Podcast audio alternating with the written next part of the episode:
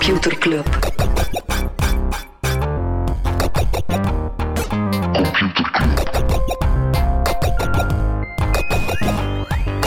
Computer Club. Hey Smolly, Hey Freddy, welkom, welkom terug. welkom. Welkom bij Computer Club, een wekelijkse podcast over technologie.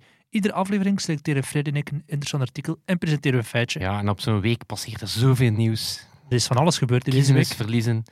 Eh, vooral eh, een pluim op de hoed van sociale media. Het werd tijd, ja, die hebben de verkiezingen overleefd. Ja. Ja, En werd, hoe? Met verven. ja, er werd enorm gekeken naar ja, wat gaan Twitter, Facebook, YouTube enzovoort doen met ja, Mhm. al die ja, misinformatie en, en, en een beetje die polarisatie. Ja, ze hebben het eigenlijk wel goed gedaan. Twitter met name, die hebben zich echt wel herpakt. Quasi elke tweet van Trump meteen achter een disclaimer. Eh, niet, meer, niet meer mogelijk om die tweet dan te liken of te Het is wel mogelijk om hem te liken, hè? Ja? Ja, ja, ja je kan hem altijd liken en je krijgt gewoon een... een, een daarnaast komt er gewoon duidelijk een label Oh, te ja. staan van pas op, dit is eh, misinformatie. Facebook ging minder ver. Die gaven gewoon zo het algemeen bericht van kijk, de uitslagen zijn nog niet binnen, Mhm. maar die, die deden dus niet de moeite om elk bericht dan te factchecken. Die hebben wel zo'n groep gesloten, Stop the Steal. Er was dan iets van 300.000 mensen die het tellen gingen gaan verstoren en die hebben daar gewoon een stekker uitgetrokken. Eh, en blijkbaar is nu het eh eh, Parler, dat is wat het, Mhm. het Twitter voor ja, alt-right, QAnon, eigenlijk iedereen die ja, ges- gecensureerd wordt tussen aanhalingstekens, ja, iedereen die niet meer welkom is op gewone sociale media. Dat is blijkbaar nu naar de top van de App Store geraakt. Dat is een dubbel gevoel bij, want oké, UX is echt brak. ja, maar los van die apps, op zich denkt oké, go- good riddance, de- Mhm. we zijn er vanaf.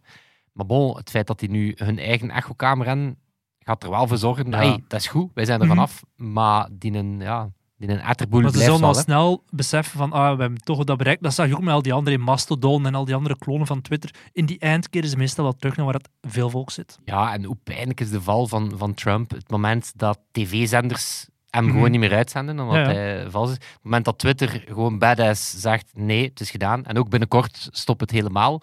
Ja, dan moet hij zo wat persconferenties gaan geven Voor achter, het tuincentrum. ja, in een tuincentrum in een achterwijk. Ja, pijnlijk. Heel pijnlijk. Pijnlijk einde. Yes. Freddy, wat dat er ook niet eh, de selectie gehaald heeft, is dat Uber binnenkort met een dienst komt waarop dat je 30 dagen op voorhand jouw taxi zou kunnen bestellen. Ja, weet nog, Uber in het begin, het cool was net, je doet je smartphone open en je zegt, ik wil nu een auto. Maar binnenkort ga je dus kunnen vooruit boeken en zoals bij een echte taxidienst zeggen, ah, ik moet overmorgen naar de luchthaven van Zaventem, kan ik alvast een taxi vastleggen. Ik weet dat ze, denk ergens vorig jaar al zelfs is gezegd, je kunt nu ook Ubers bestellen via de telefoon. Je Dus dat gaat ja. uiteindelijk zo uitkomen bij een Dus een taxidienst. Ja, dat dat. Zeg, is mooi. Ah, trouwens, over, eh, over Uber, over Uber eh, daar ga ik straks eh, meer vertellen. Eh, ook non-nieuws. eh, Google die zou met een eh, eigen VPN-dienst komen. Dat zou ingebakken zitten in Android. Dat zou zwaar deel worden van een subscription. Maar ja, de vraag is natuurlijk, gaat Google dan meekijken naar wat je doet? Want dat is nu net de bedoeling van een Mhm. VPN van niet. Ehm, ja, je kan zeggen, hm, wellicht niet. Maar ja, je had bijvoorbeeld Facebook en die had een On- eh, Onavo.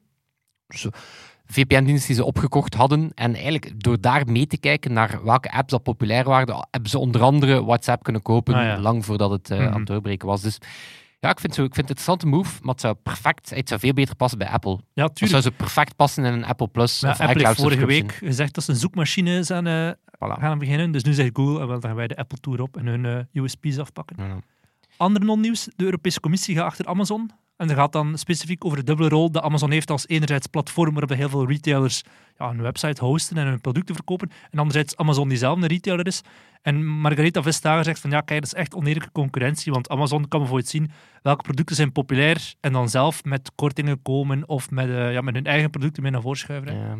ja, het is een dubbele, want enerzijds wordt dan gezegd, ja, maar elke supermarkt komt met huismerken Mhm. en elke supermarkt zet Ja, zijn huismerken schaal natuurlijk als eh, Amazon. hè. Ja, en wel inderdaad, de, de, de vergelijking gaat eigenlijk niet meer op, omdat Amazon Marktplaats, dat is niet zozeer één supermarkt, dat wel een volledig winkelcentrum, Mhm. slash een volledige winkelstraat, slash de volledige winkelstrategie van, van een land, Ja, en het gaat basically. ook veel sneller. Hè. Amazon kan echt gewoon binnen een milliseconde bepaalde producten naar boven en naar onder of prijzen aanpassen. En een gewone supermarkt kan dat niet echt Ja, natuurlijk. ja.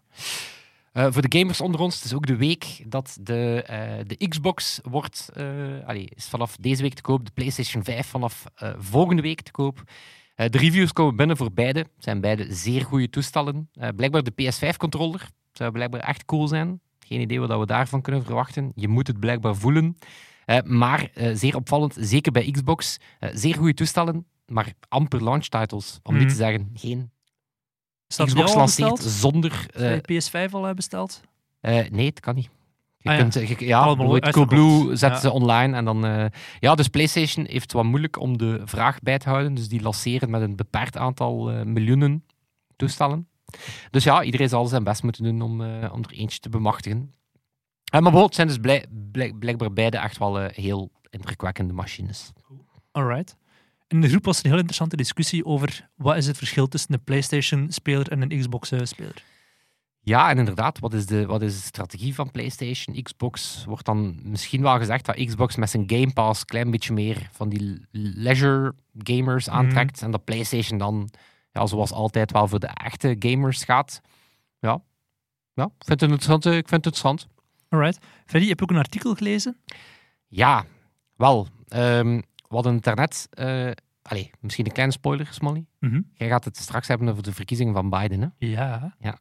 Wel, eh, misschien een klein aperitief stukje. Eh, in Californië werd er ook gestemd, behalve voor de presidentsverkiezingen, voor Prop 22. Eh, er werd zelf gestemd voor Prop 24 ook. Dat is een privacywetgeving, daar gaan we het niet over hebben. Ehm, we zouden het perfect ook kunnen over hebben, dat is ook een clusterfuck van je welste. Maar Prop 22, eh, waarover gaat dat? Dat bepaalt eigenlijk de rechten van eh, wie in de gig economy werkt. Dus al die on-demand mensen zoals Uber-chauffeurs, Uber-taxis, eh, ja. ja, voilà. Of, of eh, DoorDash, alle delivery diensten. Dus eigenlijk iedereen die een stukje in die on- in die on-demand gig economy werkt. En dat was een heel belangrijke, want dat, ja, dat, is, dat is heel belangrijk. Dat gaat erover, krijgen die mensen dezelfde rechten als werknemers? Hè, dus zijn dat zelfstandigen? En moeten we die dus geen ziekteverzekering en minimumloon en verzekering en eh, werkloosheidsuitkering geven? Ofwel. Ehm, nu, een kleine voorgeschiedenis. Ik denk een, een tweetal jaar geleden hadden we in Californië eh, AB5, AB5. En dat was eigenlijk een goed bedoelde wet eh, om dat soort gig workers meer rechten te geven. Hè, dus het was eigenlijk goed bedoeld. Die zagen ook van ja, oké, Uber maakt er zich wel heel makkelijk, of Uber of Lyft of Postmates en DoorDash, Deliveroo, heel, die, Mhm. heel die reeks. Ja, die maken zich wel heel makkelijk ervan af door te zeggen van ah ja, dat zijn, dat zijn contractuelen, Ja. dat, zijn, eh, dat zijn ondernemers. Ehm, dus die zeggen, oké, we moeten daar wat meer rechten voor, eh, voor voorzien. Eh, helaas ehm, nam die AB5-wet ook meteen de volledige freelance-markt, maakte die volledige freelance-markt kapot. Ja, Nee, basically ook goede zelfstandige, zelfstandigheid. eh, De bloemist. Ja, voilà. Of, of designers, Ja, copywriters, Die, die, die, dat ging allemaal niet meer. Dus er moest iets gebeuren.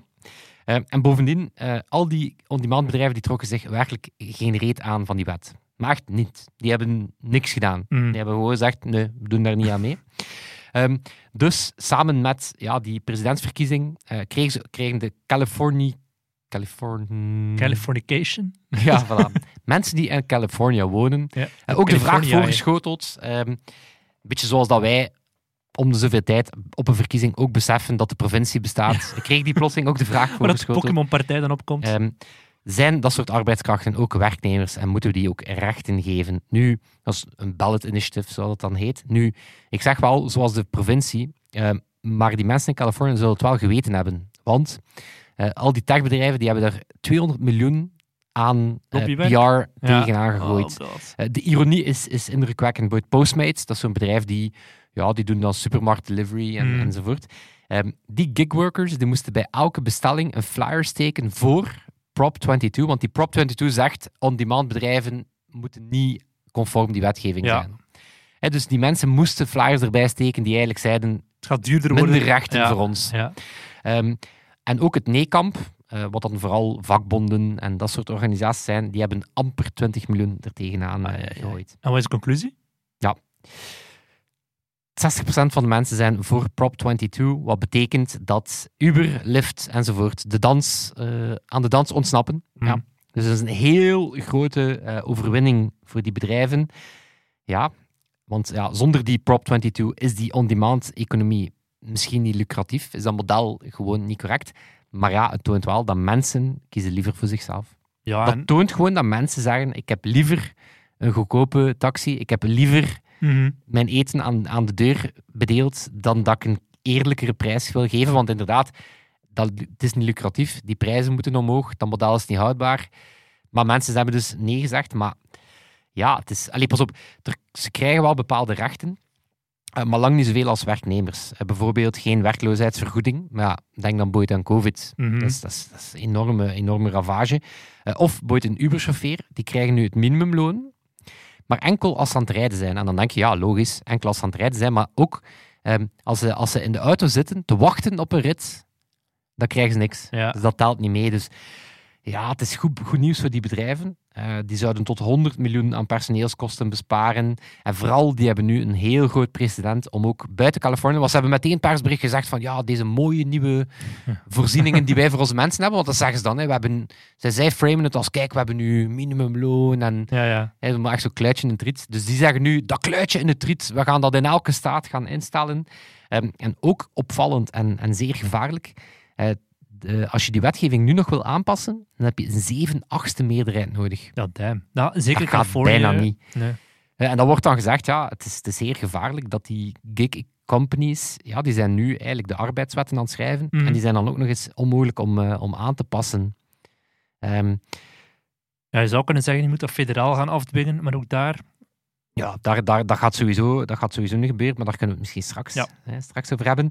Ja, en dan heb je zo de ding dat, dat er gezegd wordt, ja, hè, maar de vrijheid dat die mensen flexibel kunnen kiezen waar dat ze werken, maar één, je moet mega veel ritten doen om aan Mhm. je inkomen te geraken. Als je niet genoeg rijdt, dan word je gestraft. Letterlijk een aantal eh, chauffeurs uit Londen, die zijn hun taxivergunning kwijtgeraakt, omdat Uber, het Uber-algoritme zei, ja, jullie mogen niet meer rijden voor ons, zonder uitleg. Die mensen zijn meteen hun taxivergoeding ook kwijt kunnen geen antwoord krijgen van het bedrijf. En dat zou zijn omdat ze gewoon een aantal niet lucratieve ritten hebben geweigerd. Ja. Ze hebben gewoon gezegd nee en dan verlies je je status. En dan eens dat je zoveel keer nee zegt.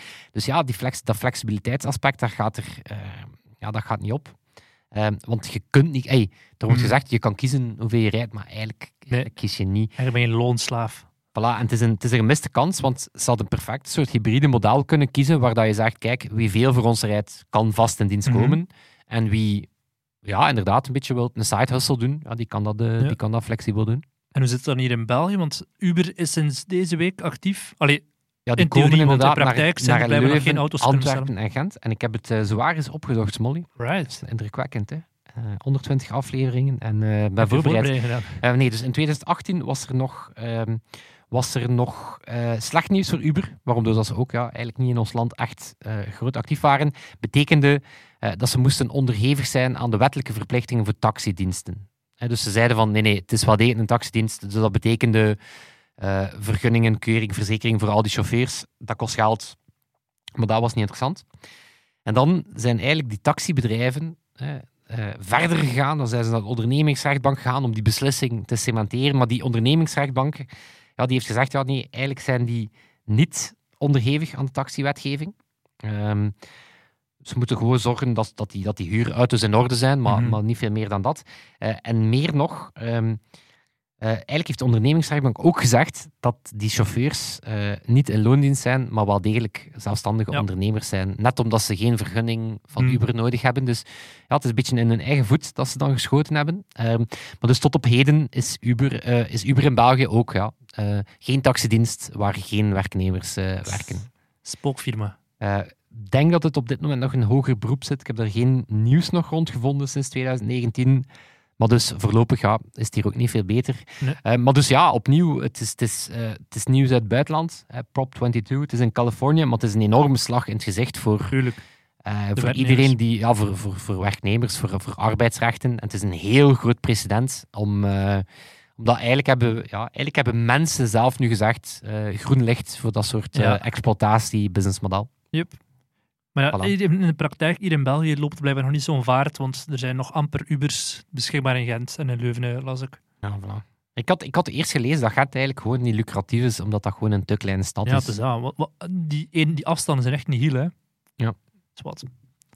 Tijd voor kennis, Yes. Thomas Molders. Ik heb een eh, weetje, Freddy. Jawel, ik zal je inleiden met gepaste, gepaste trom. Computerklas. Merci. Freddy, ken je Eddie Willems? Nee, nee. Dit is, ja, dit is weer een vintage Thomas Molders weetje. Wie is Eddie Willems? Eddie Willems. Eddie, Eddie werkte in eh, 1989 in een verzekeringsmaatschappij hier in eh, Cool. België. Ja, als computer. Ja, eigenlijk de enige in het heel bedrijf die wist hoe een computer werkte, is wat. Zij moest dat nu zo... Wellicht gaat de pointe zijn, het is de man die modems uitgevonden heeft. Het is de man die... Want zou zijn moest het zo niet zo zijn. Het is zo... Nee, hij werkte op de IT van de verzekeringsdienst En was en, hij was daar, ja, hij was daar graag gezien. Hij Nee. deed daar met, met plezier zijn werk. Hè. Nee, ja, oké, hij deed zijn- werk wel met plezier. Zeker toen zijn baas op een bepaald moment met een diskette kwam. En die gaf aan Eddie en hij zei, Eddie, moet die eh, diskette een keer checken. Dat is een of andere test om te kijken of hij in de doelgroep zit om aids te krijgen. Dat was een diskette die naar 20.000 universiteiten en bedrijven en whatever was gestuurd. Ehm, in België, maar ook daarbuiten door een Amerikaanse wetenschapper. Dus Eddie die test, om die, ja, dat kan wel interessant zijn natuurlijk voor een verzekeringsmaatschappij. Als jij jouw doelgroep zo'n test kan laten doen, om te kijken, moet je een hogere verzekering betalen, ja of nee. Hij doet die test, hè. Heb- ben je man, heb je seks van mannen en bla bla. De uitkomst is, hij heeft geen kans om aids te krijgen. Oké, een beetje raar. Die legt die, die, die, die aan de kant. Ah, Ik dacht, ze zijn, Eddie vliegt meteen naar Afrika om daar met apen te beginnen muilen en eh heroïne naalden uit te wisselen ook eh, in Parijs. Ja, nee, nee, nee. En, en twee dagen later staat hij zijn computer erop en het lukt niet meer. En eh, via zijn, zijn printer verschijnt er plots een papiertje dat hij 189 dollar moet betalen als hij zijn computer weer wil gaan gebruiken. Dat was eigenlijk de eerste vorm van ransomware ooit ter wereld. Trojan Horse. En Eddie zegt, godverdomme, niet met mij. En die begint te prutsen in zijn computer. En die ziet van, ah, eigenlijk is het heel simpel wat er hier gebeurd is. De, het toegangspad naar de computer is misgaan en eh, is gewijzigd. En bepaalde bestanden hebben niet meer hetzelfde naam en zo. Eddie lost op en een kwartiertje is geregeld. En Eddie kijkt s'avonds naar het VTM-nieuws en hij ziet daar dat, eh, dat ze vertellen van heel veel bedrijven in België die zijn eh, het slachtoffer geworden van een Trojan Horse. Dat heette toen totaal nog niet zo, maar van een mysterieuze diskette. Met, met, eh, en ze moeten er 189 dollar betalen als ze er op de computer willen kunnen. En Eddie die belt meteen aan de redactie van VTM en die zegt maar ik heb dat ook en ik weet dat moet opgelost worden. Hup, meteen VTM-ploeg naar, naar Eddie zijn thuis. En Eddie mag zijn oplossing uitleggen, staan in alle kranten. Ik krijg bloemen van, over, van alle bedrijven van België die zeggen, hij heeft ons gered, we kunnen onze computers. En Eddie die is dan beginnen gaan, gaan verder onderzoek doen naar cybersecurity. Eh, Hij is bij Kaspersky beginnen werken. Hij was een van de eerste Belgen die in het e-beveiligingsteam van de overheid zat. En Eddie is nog altijd actief in de cybersecurity, maar hij was dus de redder van wat dat we de eerste ransomware ter wereld zouden kunnen noemen. Nice. Dat, letterlijk een aids-disket. Ja, letterlijk De- een, eh, hij was letterlijk De besmet. als ironie, hij van die, de ironie van die test is wel, eh, Ja, is wel knap. Eddie Willems, kijk, eh, we dragen deze aflevering op aan, eh aan Eddie. hij mag weer in mijn illustre eregalerij. Ergens, ergens hoop ik dan dat Eddie luistert. Ja, ja. Kan, hè? Hij heeft een maar, website en op zijn website kun je ook nog de oude versie van zijn website bekijken. Ook een aanrader. Hoe vet moet het zijn als je Eddie Willems bent en gewoon uit interesse naar Computerclub luistert, al enige tijd, bam, en dan zijn gewoon het topic van Computerklas. Ja, dat zou Ah. de max zijn. Als dat niet inspirerend is voor alle luisteraars om tot grootheid op te staan, of inderdaad ja, gewoon eh, de wereld te redden van, eh, van ransomware. Ja, en af en Fuck, toe... dat is wel zot dat dat in 89 was. Ja, hè? Al bestond. Zot? Damn. Ja, de naam ransomware bestond natuurlijk nog niet, maar het concept van ja, iemand Ik weet wel dat die, dat die eerste hacks, die waren eh, echt wel nog onschuldig. Eigenlijk de eerste virussen waren eigenlijk vooral spielerij om te tonen dat het kan. ja, ja. Dat was inderdaad gewoon letterlijk een onschuldige boodschap in ASCII-art van Mhm. haha, ik heb je, maar dat deed verder niks. Of dat was zo een venster dat je niet kon sluiten of zo. Mhm. Maar, dus, dus ja, dat was... eh Allee, bon, maar in 89 waren er ook al malafide actoren. Dus, ja, Maar in 89 was er ook Eddie Willems. hupla, merci. Eddie. En Eddie is er nog altijd. Dikke Yes. merci, Eddie. Molly, Weet ja. je wat er ook is? Er is een nieuwe president in Amerika. Inderdaad, het is hier zo'n beetje een themaspecial. Hè? Yes, Joe Biden is verkozen. Eh even voor de mensen die niet weten wie Joe Biden is. Joe Biden is democraat. En eh, de vorige democraat die president was van Amerika was Barack Obama. En Barack die was heel goede maatjes met de techsector. Maar echt een beetje te... Het wa- het was een beetje awkward zelfs. Want had zo'n mannen zoals Erik Schmidt, waarover we verteld hebben in eh, aflevering 94 Ja. van Google, die heel goede maatjes was met Obama. En de vraag is dus zo'n beetje, ja, hoe gaat Joe Biden omgaan met de techsector? Want toen Obama wegging in, in 2012, nee, 2016, 2016, ja, toen, op dat moment waren de democraten nog heel blij met de techsector, maar toen was Trump verkozen en toen dachten ze, oh fuck, die Facebook en Twitter en co, die hebben Trump verkozen geraakt en zijn ze heel anders beginnen kijken naar die techwereld. Zijn ze Het is veel wel, het strenger is wel geworden, feit dat die techlash, die was er inderdaad in Die de tijd van Obama, was die er amper. Maar die is inderdaad, ik denk dat Cambridge Analytica was daar zo'n beetje de 2018. vonk. Hè? Ja, ja. Dat was daar zo'n beetje het moment dat iedereen zoiets oh. ja, ja. En dan ging de bal aan het rollen. Dan ging het niet enkel over ah, moderatie en, eh, en, en dan antitrust. En Mhm. Ja, en zeker de democraten. Je hebt dan zo figuren zoals Elizabeth Warren, die gewoon letterlijk zegt, moet die techwereld gewoon opbreken. Die break the big tech. Biden is er iets genuanceerder in. Die zegt, we moeten het niet opbreken, maar wel reguleren. Ja, in die end, hoe hard dat ze ook op zitten, de pushen, ze moeten er wel mee samenwerken. En dan zie je ook, Biden heeft zijn transition team geïnstalleerd. Dat zijn dan ja, achter de schermen bereidt zo'n nieuwe politicus, een nieuwe president zich al voor op zijn legislatuur. Je gaat dan mensen eh, aannemen, zoals heeft onder andere Jessica Hertz, die was Associate General Counsel bij Facebook, zit in zijn team. Eh, Cynthia Hogan, die was Apple's Vice President for the Government Affairs. En Erik Schmidt, opnieuw Erik Schmidt, was een van de grote fundraisers van Biden. Die zit ook, of die zou alleszins de, de, de, geruchten gaan dat hij eh, beloond gaat worden met een heel hoge plek. Dat hij een soort industry tech force zou mogen leiden in het team van eh, Biden als hij dan effectief president is. Moet ik dat dan, ben ik dan naïef? Moet ik dat dan zien als slapen met de vijand, a.k.a. lobbying toelaten? Of is dat de vijand leren kennen door, door eigenlijk zo Ja, van nee, hun denk- pionnen aan, aan boord te halen om ze dan met kennis ik, van zaken ik denk eh, dat te Biden in die eind zeer gematigd zal zijn. Hij hebt, eh, ik zeg het, Elizabeth Warren, die zou ook in de regering van Biden komen te zitten. Die is wel heel hard, maar in die eind is dat wel een heel belangrijke sector. Zeker als ze op innovatief vlak erop willen vooruitgaan. Ik was, ja, Kamala Harris bijvoorbeeld, die is ook heel goede maatjes met Sheryl Sandberg en Mark Benioff. Haar schoonbroer is Tony West, de CLO, dus de Chief Legal Officer van Uber. Dus in die eind Ah. gaan ze, wel, gaan ze er wel echt wel goed Ah, ik wist mee inderdaad dat, dat, dat Harris redelijk goed zit met Ja, ja, Silicon Valley. Komt ook vandaar. van Californië. dus dat, ja, zij is wel, wel close. Dus dat in die end, ook de techsector zelf, die weet, oké, de komende vier jaar, het gaat nooit meer worden zoals bij Obama, maar het zal ook niet worden zoals de voorbije vier jaar, waar hij elke dag wakker werd en dacht, fuck, wat heeft Trump nu weer getweet? Eén. En eh, het feit... denk de, de chaos, de, Ja, de chaos de chaos eindigt, jaar. is, is, is een goede zaak voor alles. Ja, er is, er is op zekere zin ook wel een beetje angst in die techwereld. Van, ze weten, we gaan veel meer gereguleerd worden. Ook al op vlak van wat mag je gezegd worden op een platform. Die befaamde Section 230. Hupla. Ella. Ja, er is, er zowel republikeinen als democraten zijn erover eens, die wet die moet aangepakt En worden. daar zei Biden zei ook al hè, dat die, dat die aangepakt gaat worden. Ja, ja, en dat wist zelfs Trump was er ook over bezig. De grens tussen politiek en tech is de voorbije jaren veel te eh, dun geworden. Want er- voor de mensen die de vorige aflevering niet gehoord hebben, Section 230 komt er eigenlijk op neer. Is Twitter of Facebook verantwoordelijk voor wat dat mensen posten op het platform, ja of nee? Ja, want het is, het is daarvan dat je, om dat, om dat eens heel tastbaar te maken, het is heel logisch dat je zegt, kijk, een telefoonbedrijf niet. Nee. Eh, Je bent niet verantwoordelijk voor wat mensen aan de lijn zeggen of per sms. Mhm. Als je natuurlijk een krant bent, wel. Dan ben je wel verantwoordelijk voor wat je journalisten of zelfs je lezersbrieven Mhm. zeggen. Maar sociale media zit daar zo wat Zo'n beetje de grens tussen manier. Privécommunicatie en massacommunicatie, denk ik. Ja. Ja, en het is, pas op, het is, het, is, het is niet zozeer dat dat artikel moest sneuvelen en dat wel herzien worden, want dat wordt dan gezegd, het moment dat je dat wegneemt, dan gaat er overmoderatie zijn, want niemand gaat risico's willen Mhm. nemen. Want ja, het moment dat je weet van ik kan hier de bak invliegen voor wat dat erop, ja, dan ga je vooral met de, met de grof, grove borstel erdoor. En dan de ironie, want het zijn dan de republikeinen die heel hard zeggen, wij worden gecensureerd, terwijl dat ze het eigenlijk supergoed doen op die sociale media. Eh, ik denk dat de ironie wel licht zou zijn dat ze nog veel sneller gecensureerd zouden worden Mhm. moest, die twee, moest artikel 230 niet bestaan. Ja. Ja, dus inderdaad, contentmoderatie, dat is een... Contentmoderatie een hot topic. Nog een hot topic wordt de relatie met China. Hey, onder Trump kwam die heel hard onder druk te staan. Maar Biden is gelukkig slim genoeg om in te zien. Ja, als wij er heel veel boel maken met die Chinezen, gaan ook de Amerikaanse bedrijven daar last van ondervinden.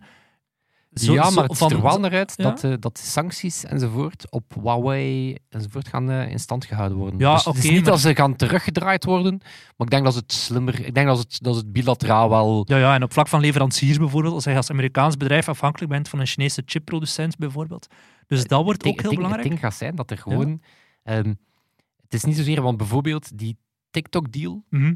Ehm, ja, ik vraag me af, zou Oracle nu TikTok nog kopen? Denk het niet. Ehm, maar inderdaad, het, het, het issue blijft bijvoorbeeld wel van, oké, wat met zo'n machtig algoritme, met zo'n Mhm. impact op onze Amerikaanse of Europese jongeren, for that matter, wat met al die staatscontrole door Beijing? Dus ik, dat probleem verdwijnt niet, maar ik hoop wel dat er structureler naar gekeken wordt. Ja, ja. Eigenlijk hetzelfde met die handelsoorlog met China. Niet in het wilde Je weg moet, beginnen voilà, schieten, je maar moet daar iets mee visie, doen, maar je eh, moet daar gewoon visie rond ontwikkelen en denken van oké, wat willen we nu echt bereiken? Mhm. Want dat was zo het ding bij Trump. Alles was zo met... ehm, een interessant artikel, het is een, een, een sidetrack dat ging over het, de NSA, die zich ontpopt heeft tot ja, zeer sterke cyber capabilities. Mhm. En dat is, dat, is, dat is eigenlijk dankzij Trump, omdat daar werd van gezegd van kijk, Trump staat niet bekend om de details. Dus al die dat was een grote beslissing die moest genomen worden. Niemand durfde die beslissing nemen. Trump wel, omdat hij gewoon niet aan de details dacht. Hij dacht letterlijk niet aan de secundaire, tertiaire gevolgen. Dus dat is Gewoon doen en dan nadenken Voilà, over... voilà. ja. Maar daar wordt dan wel van gezegd in die community van oké, was eigenlijk wel een goede beslissing, Mhm. maar het is eerder ondanks zijn karakter Ja. dan, dan dankzij zijn karakter. Yes. ja. Nog een andere beslissing die teruggedraaid waarschijnlijk gaat worden eh, van Trump is die van de visa. Heel veel Amerikaanse techbedrijven zijn afhankelijk van Indische, Chinese, whatever werknemers. En Trump heeft op een bepaald moment gezegd travel ban voor immigration. Eh, de techbedrijven stonden meteen op hun achterste poot, want zij zijn heel afhankelijk van dat soort eh, werknemers. Dus dat gaat waarschijnlijk herzien worden. Ehm, ook een heel ambitieus belastingsplan dat eh, Biden heeft om de techbedrijven te laten dokken voor dingen die ze tot nu toe aan Ierland of wherever zetten. Maar dat zal afhangen van de Senaat, wat ze erin mee gaan of Ah, wel, niet. het, is, het is niet zozeer die, want dat was wat ik ook las. Het is, zo, het is niet zozeer dat hij zeer hard op tech specifiek gaat gaan. Ik Mhm. denk dat hij een aantal dossiers, content, modera- moderatie, privacy. Hij gaat er wel een aantal eh, die onvermijdelijk zijn, maar hij gaat er inderdaad niet op inbeuken. Het is niet van break Nee, them up. Ehm, wat hij wel pijn gaat doen, is inderdaad gewoon te koers zijn fiscale strategie. Inderdaad, belastingsparadijzen aanpakken. Maar daar is hij heel afhankelijk van de Senaat al met een derde Ja. verhogen. Ja. En dan komt hij inderdaad, daar is hij afhankelijk van de Senaat. En dat ziet er Dat is nog altijd niet beslist wie dat daar nu de, de macht hebben. Maar, Voilà. Dat was nog alles waar dat Wall Street ja. wel enthousiast over was. nou ja, Toen dat het er wel naar uitzag dat de, Rep- de Republikeinen dan de Senaat gingen pakken, ja, dan deed de beurs het zeer goed. Want als ze van één ding van zijn, dan is het een verdeelde, verdeelde regering, toch? Ja, maar ik denk dat de, de Wall Street is gewoon, die haat gewoon onzekerheid. En die willen gewoon een duidelijke winnaar hebben van de verkiezingen. Maar nog een laatste punt waar Biden, eh, waar het de techsector ook van van is. Hij wil breedband internet over heel Amerika aanleggen. Om zo ook de landelijke gebieden wat te laten ja, mee kunnen eh, concurreren met de, de stedelijke gebieden. Dat wel interessant is natuurlijk voor die sector. Hij echt miljarden gaat hij daarin pompen om iedereen van snel internet te voorzien. Hopla. Dus ik denk de, con- de, cons- de consensus is, het gaat niet break the big tech zijn zoals Elizabeth Warren wil. Het zal meer regulering zijn, een eh, rustiger tempo dan de voorbije vier jaar. En eh, dat komt met voor- en nadelen voor de sector. Ja, pas op, ik was wel, ik was wel benieuwd naar, ehm, naar of dat Warren bijvoorbeeld, want de FTC. En dat is dan eh, wat, wat heel veel van dat soort concurrentie ook moet, moet, moet ehm, mogelijk maken. Ja, was absoluut partisan gekleurd. Mhm. Ehm, die hebben onder andere netneutraliteit een, een stuk teruggedraaid. Dus dat gaat ook allemaal teruggedraaid worden. Het zou wel een power move zijn om daar Warren te zetten. Maar ik denk dat ze iets te, Te hevig is. iets te heftig is. Ik Kan, denk dat ze er Maar dat is zoals Vestager hier in Europa, dus why Ja. not? Ja, ik vind zo'n... ey, Om dan, om dan zonder, zonder echt hard opinie te knallen, of, of opinie te knallen over iets dat niks met, met computerclub te maken heeft, maar ik vind het wel interessant voor die democraten van hoe hard moeten er nu op inbeuken? Want ja, ergens zitten we met een verdeeld land, dus te hard beuken gaat ook niet goed zijn. Anderzijds, ja, het feit dat ze misschien toch die senaat ook niet gaan pakken, toont wel dat ze misschien niet uitgesproken genoeg waren. Dat ze, niet, dat ze misschien Mhm. wat te braaf waren. Dus ik vind dan, ik vind dan het zal sowieso een, een beleid zijn dat enorm zijn battles gaat moeten kiezen. Dat gaat, dat gaat sowieso... eh, er moet al zoveel werk teruggedraaid worden om dan nog met andere shit bezig te zijn. Ik ben, ik ben, ben zeer benieuwd. En dan, dan is inderdaad de vraag, ja, hoe hard moet je op die tech... Ja, ik denk een aantal dossiers moet je, moet je aanpakken, maar hoe ver moet je erin gaan? Ja. Alright. Hebben meer voer voor de komende vier jaar al sinds. Vier jaar podcast. Vier jaar podcast, met veel ja, plezier. Ik, eh, zolang dat Eddie Willems blijft luisteren. Ja, Voilà, kijk, we laten het volledig van Eddie Willems afhangen. is dat. Eddie, helemaal in jouw handen. Eh, in wiens handen dat het ook ligt, zeker deze week, eh, natuurlijk Sebastiaan. En deze week is dat Toon die onze edit gaat doen. Merci Ik ben Tom. eh, zeer dankbaar voor Toon. Dat zal het zijn. Tot volgende week. Yo! Yo. Computer Club.